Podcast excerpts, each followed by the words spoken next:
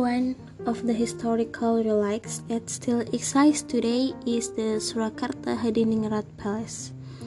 He a silent witness to how our predecessor lived life, a silent witness to the Indonesian people's resistance to Dutch colonialism. Is the official palace of the Surakarta Hadiningrat Sunat, which is located in the city of Surakarta. This palace was founded by Sri Susuhan Pakubuwono II in 1744 as a replacement for the Kartosuro Palace, which was devastated by the Chinatown Commotion in 1743. This palace has a fraction, namely the Yogyakarta Hadiningrat Palace, which is the palace of the Yogyakarta Sultanate. So, that traditionally the Mataram dynasty was continued by two kingdoms, namely the Sultanate of Surakarta and the Sultanate of Yogyakarta.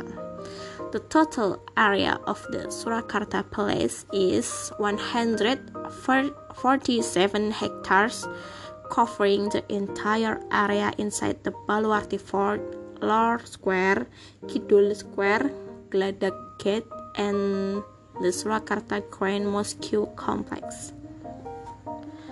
Kraton Surakarta is the one of exotic buildings in its era. One of the architects of this palace is KGBH Mangkubumi. I'm sorry, I'm, I mean KGBH Mangkubumi, who was also the main architect of the Yogyakarta Palace.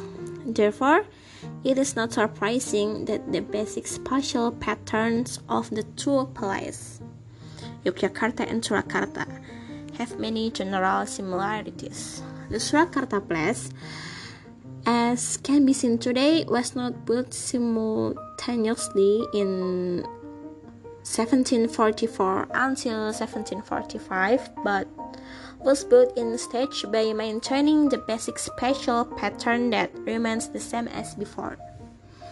The last major construction and restoration was carried out by Sri Susuwan Pakubuwono X, who reigned from 1893 until 1939.